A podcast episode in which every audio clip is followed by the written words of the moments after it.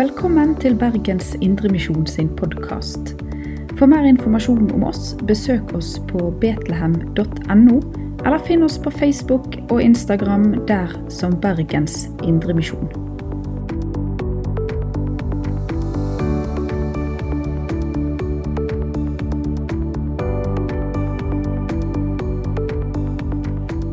Ja, da er det både lyd og bilde. Eh, jeg har prøvd å få teksten så stor som jeg klarte Jeg får det på ei side, men dere som har øyne, se med, se. Dere andre, håper dere har ører hører med. Eh, I dag skal vi være i Matteus 8. Eh, forresten, kan jeg si det en gang til. Det ble sagt i starten, men jeg heter Ole Magnus Breivoll, og jeg er lærer på bibelskolen på Bildøy. Eh, og det var en plan en gang i tida at nå skulle bibelskolen ha vært her og kanskje sunget. Eh, men gode planer blir av og til endra. Eh, men eh, ja. Jeg er der i hvert fall, fra Bildøy, eh, og skal forkynne historie for dere. Ikke synge, men forkynne. Og godt kanskje er det. Eh, vi leser fra Matteus 8. Da Jesus gikk inn i Kapernaum, eh, kom en offiser til ham og ba ham om hjelp.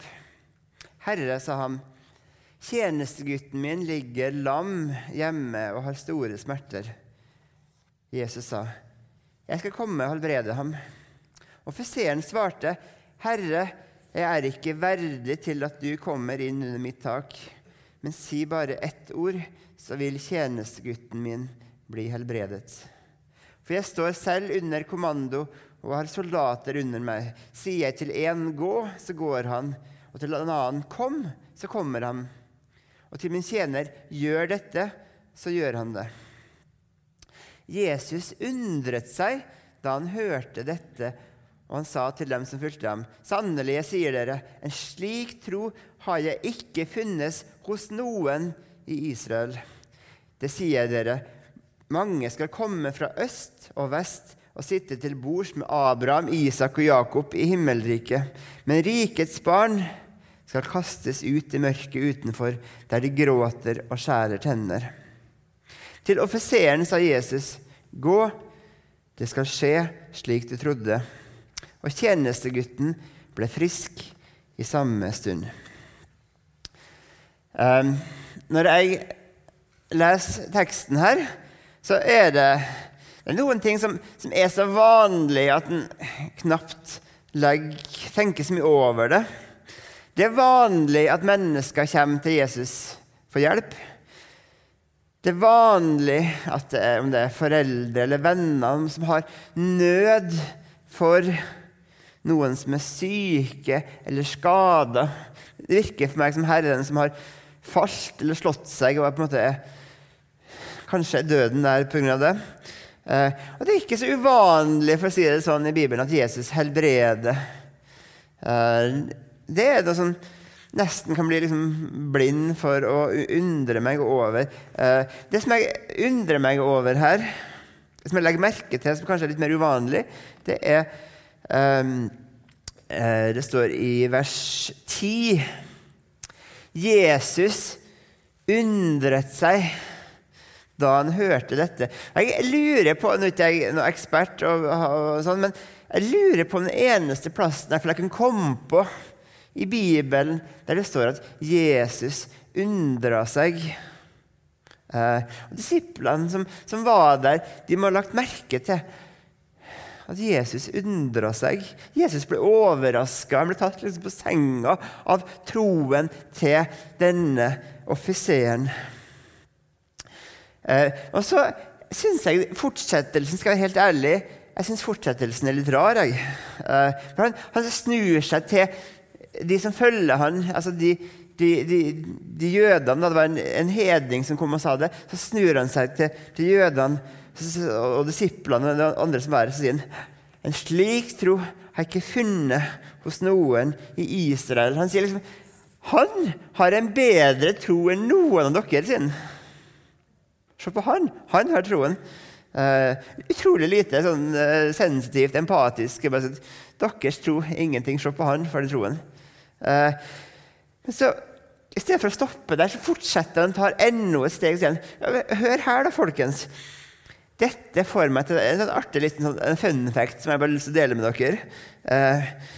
vet dere at det skal komme mange hedninger og sitte til bords med Abraham, Isak og Jakob i himmelen. Men dere, altså, dere jøder De fleste av dere går fortapt. Tenk det. For det er faktisk det han sier. De fleste, altså rikets barn, skal kastes utenfor der de gråter skjære tenner. Eh, er ikke det litt underlig? Han snakker sånn rett fra levra til folk.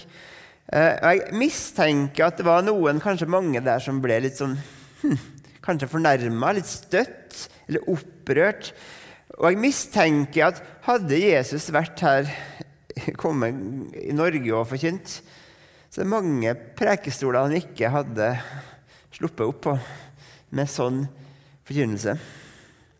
Um, jeg tror at denne fortellinga handler om helbredelse, men jeg tror at denne fortellinga dypest sett altså Hovedpoenget her det handler om tro. Jeg tror at det er liksom hovedgreia i denne lille fortellinga om en sunn tro som gir adgang til det evige livet. Jeg tror at fokuset ligger her. Og Skal jeg være helt ærlig med dere, så syns jeg Jeg tror altså Det temaet snakker om vår tro, snakker om, ikke bare om innholdet i troen, men sjølve det at jeg og du forhåpentligvis tror. Jeg syns det er et litt sånn skummelt tema. Det er faktisk et tema som jeg unngår. Jeg prøver å unngå å snakke så mye om tro. Og Det høres kanskje rart ut at en bibelskolelærer er redd for å snakke om tro. Det skulle jo vært tvert imot. Men jeg syns det er skummelt å snakke om tro. For jo mer vi snakker om tro, jo større er muligheten altså, Hva skal jeg si det? Jo mer jeg snakker om min tro, jo større er muligheten for at jeg blir fylt av tvil og usikkerhet. Altså, når, når fokuset kommer på troen min, så er liksom ofte min erfaring frukten av det er tvil og usikkerhet. Og Det er to grunner som gjør at jeg tenker sånn. Når jeg snakker om min tro, så er det lett for at blikket kommer på meg og på min tro, i stedet for å feste blikket på Jesus og hans frelsesverk. For å, for, å se på om jeg er frelst, så kikker jeg kanskje ikke mer på Jesus, jeg kikker på troen. Og når jeg kikker på troen min, min skrøpelige tro, min skjøre tro, min tro som er iblanda usikkerhet og tvil ja, Når jeg ser på min tro, så kjenner jeg jeg kan kjenne meg usikker på ja, Er den troen her god nok. Er jeg virkelig frelst? Kan jeg tenke når jeg fester blikket på min egen tro. Og for det andre, når jeg fester blikket på, på troen min, så har troen en tendens til å bli en prestasjon. Jeg må, jeg må skjerpe meg. Jeg må, jeg må, forbedre troa. Jeg må gjøre troa litt sterkere. på en eller annen måte. Jeg må ta meg sammen og gjøre noe med denne troa mi. Så tro som egentlig er det motsatte av prestasjoner. Når jeg, fester, blikket på troa, så blir det noe som jeg skal gjøre veldig ofte. Og hvis troen blir noe jeg skal gjøre, da kan også tvilen komme snikende. For det, det er ikke noe greie å gjøre, og det er ikke noe greie å liksom gjøre sterk på et vis. Men i dag skal jeg likevel, til tross for at det er et skummelt synes jeg, tema, skal jeg snakke litt om tro ut ifra denne teksten her. Eh, det er et par ting som jeg tenker er viktig å ta med seg om den kristne troa, om, om, en sunn tro, om en frelsende tro eh, i denne teksten. Det første jeg vil si, er at denne eh, offiseren da, han setter sitt håp og han setter sin tillit til Jesus. det er et kjennetegn på en sunn og en frelsende tro. Eh, han kommer til Jesus for å få hjelp. Det, første, det var det som vi leste først. Han kom til Jesus for å få hjelp. Han har innsett at tjeneren ikke blir frisk på egen hånd. Tjeneren trenger hjelp utenfra, og han går til Jesus for å få denne hjelpa. Eh, en kristen tro handler om at jeg trenger hjelp i forhold til min evige frelse, i forhold til mitt evige liv. Jeg greier ikke alene, og jeg trenger Jesus til å hjelpe meg. Så han setter sitt håp til at Jesus vil frelse. Eh, og For det andre så har han en utrolig, en bemerkelsesverdig tillit til at Jesus kan frelse. Han har en stor tillit til at Jesu ord er nok. Jesu ord har den makten, den autoriteten, til å frelse Han tjener. Og det trengs ikke noe mer. Det trengs ikke en seremoni. Det holder med et ord fra Jesus. Så han har en tillit til at Jesus kan frelse. Og det er to ting som jeg tenker er viktig for å snakke om den kristne troa.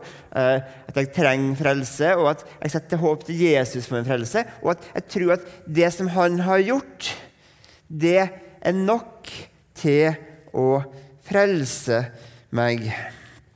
Um, denne offiseren, han Det virker for meg da, som han altså, Det er bare Gud som kan si et ord. Og så har det makt over liv og død. Det har autoritet over liv og død. Så Det virker for meg som han, han har tillit til at Jesus taler på vegne av Gud. Det virker for meg som han har tillit til at Jesus er stor nok til å frelse.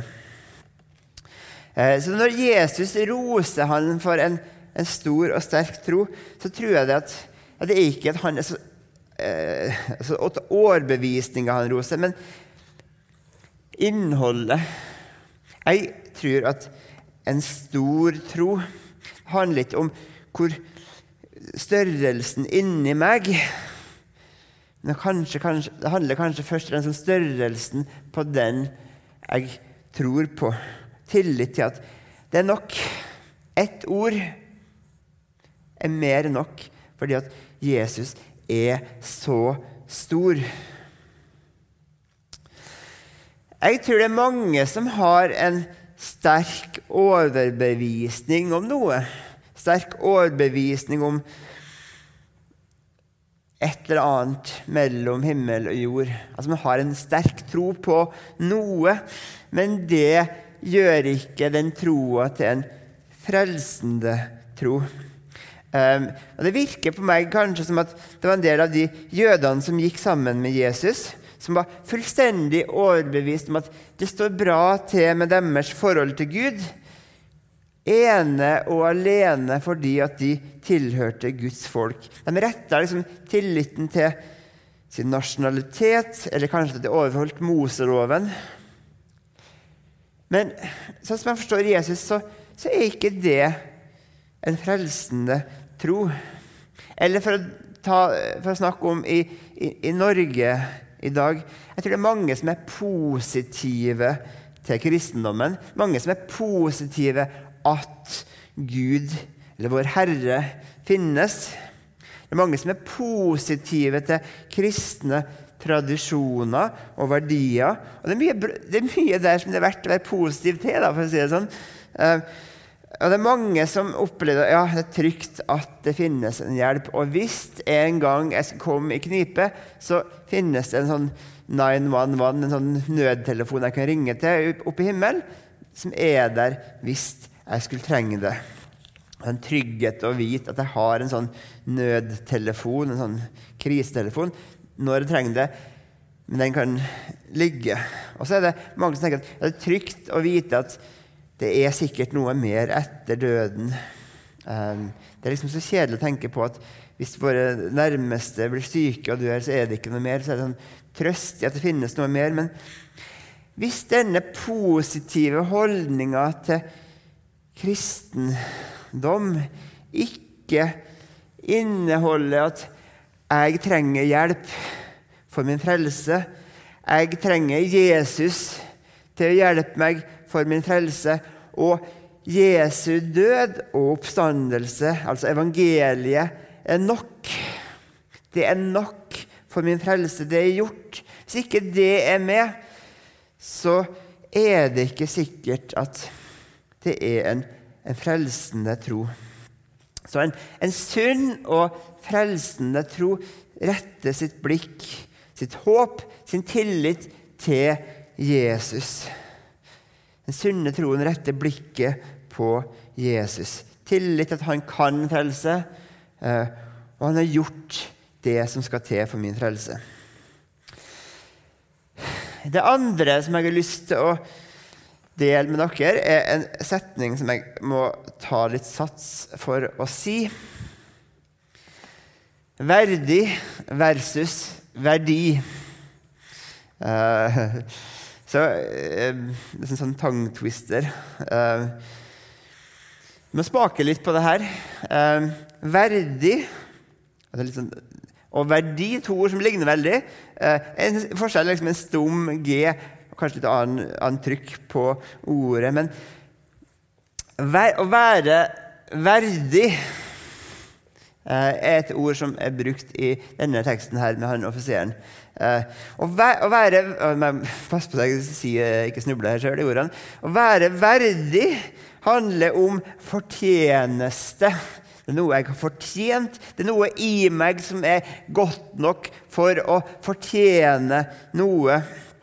Jeg kan være verdig på bakgrunn av hvem jeg er, eller på hva jeg har gjort, på gjerninger, prestasjoner.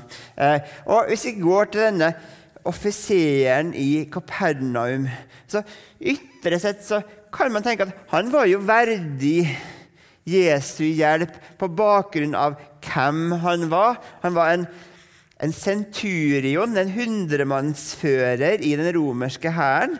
Eh, høyt oppe i skalaen på verdighet. Altså, han var sikkert den mektigste mannen i Kapernaum. Kanskje hadde han det flotteste huset i Kapernaum. jeg vet ikke. Um, han var sikkert en som det var veldig greit å ha å stå på godfot med. Han kan gjøre livet ditt både lettere og vanskeligere, sikkert. Så Eh, hvis ikke han var verdig, så er det kanskje ingen i Kapernaum som var verdig til å få hjelp fra Jesus. Eller hvis du ser på hva han har gjort, så virker han som en veldig god mann. Eh, og eh, Lukas har også en versjon av denne fortellinga. I Lukas-utgaven så kom det noen eh, av jødenes eldste og ba til Jesus. Så sier han hør på hva de jødenes eldste sier om denne offiseren.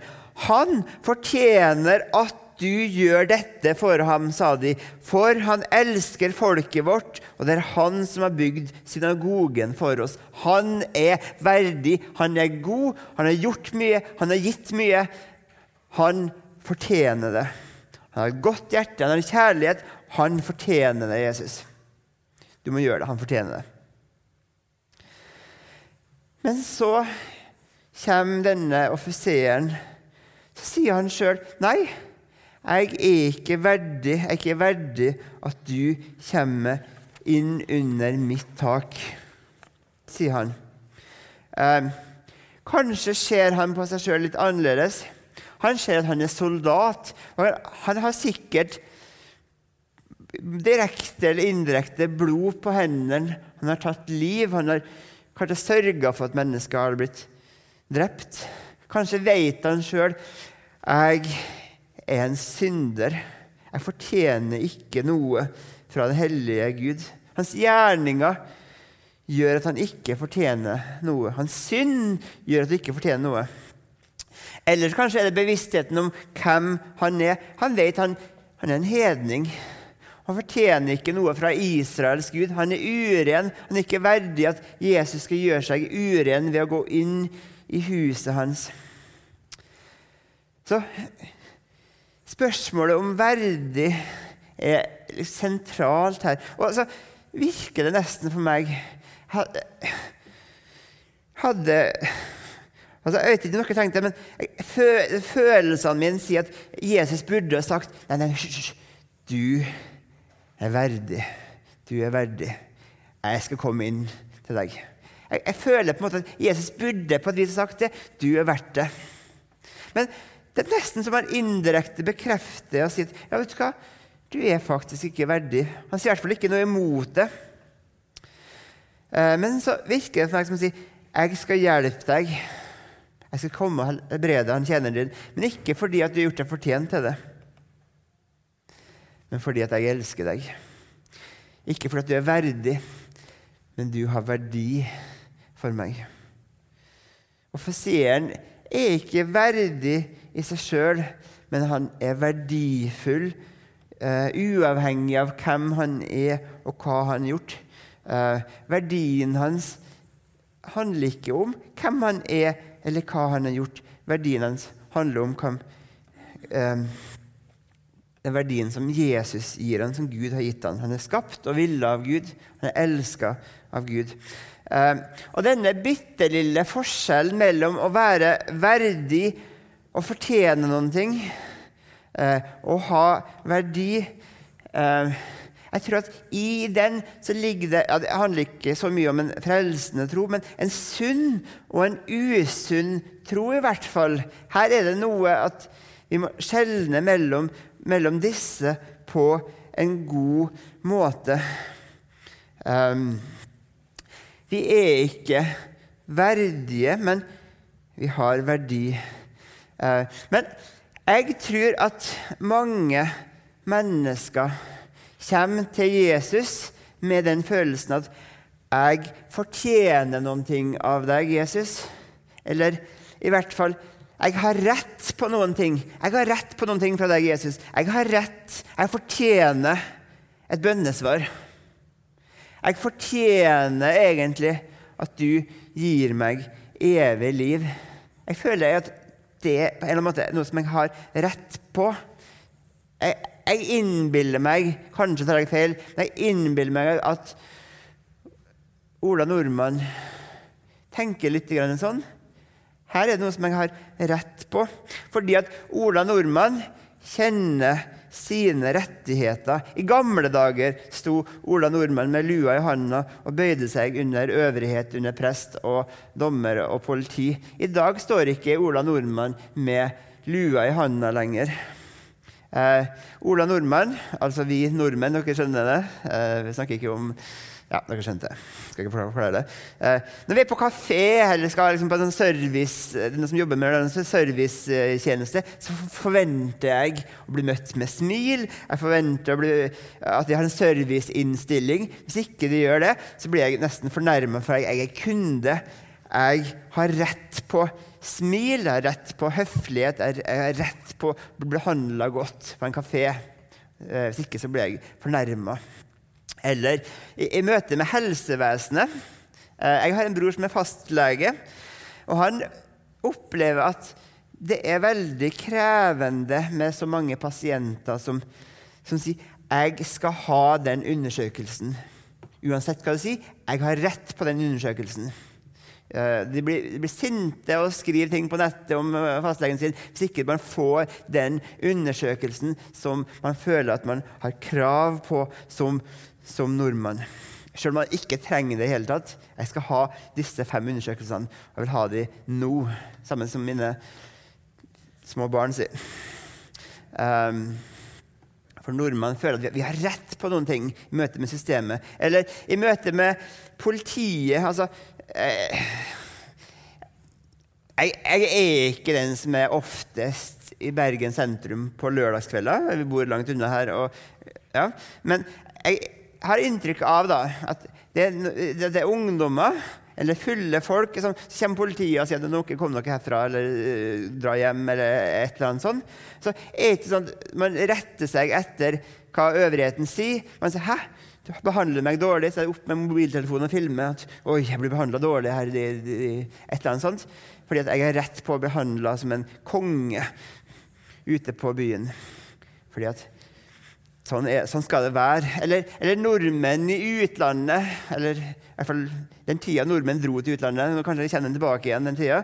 Eh, ja, er det et eller annet vanskelig, så har jeg rett på at staten kommer og ordner opp alle mine problemer. Eh, fordi at jeg har krav på det. Og jeg tror at denne innstillinga om at jeg har rett på noen ting, den har en tendens til å overføre på Gud. Jeg har rett på bønnesvar. Hvis ikke Gud har serviceinnstilling, så det, blir jeg nesten fornærma på Gud. Gir du meg ikke det bønnesvaret? Eller hvis ikke Hvis Gud sier 'Sorry, perleporten er stengt, du slipper ikke inn'. Hæ? Jeg har jo rett på det. Jeg er verdig å ha det.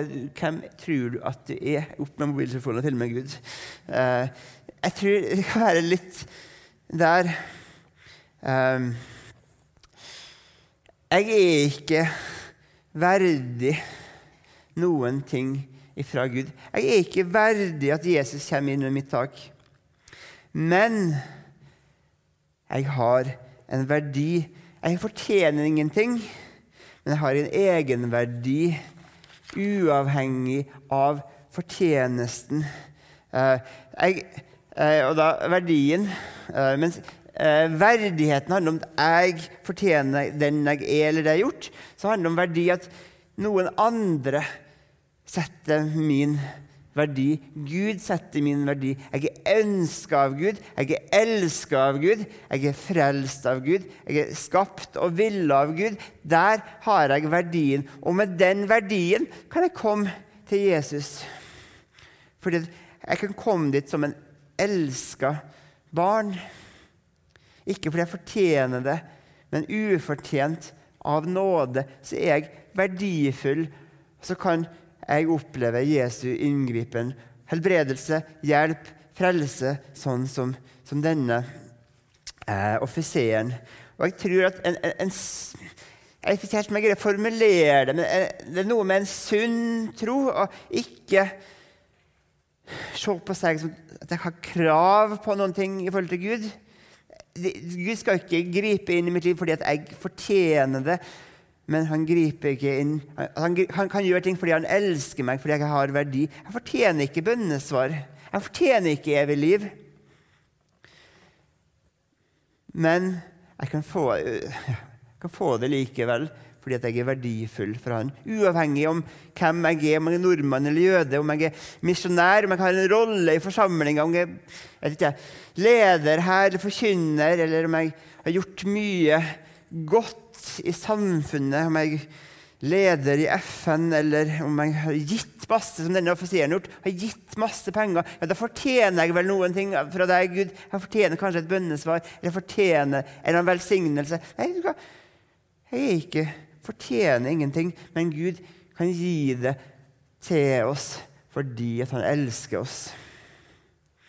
Um, jeg tror at det er noe her som jeg har ikke helt utforska det ferdig. Kanskje kan jeg utfordre dere på å utforske det her enda litt mer. Jeg, helt, jeg føler, ikke, jeg føler meg ikke ferdig med denne teksten. Her er det mer ting jeg må, jeg må tenke på og grunne over.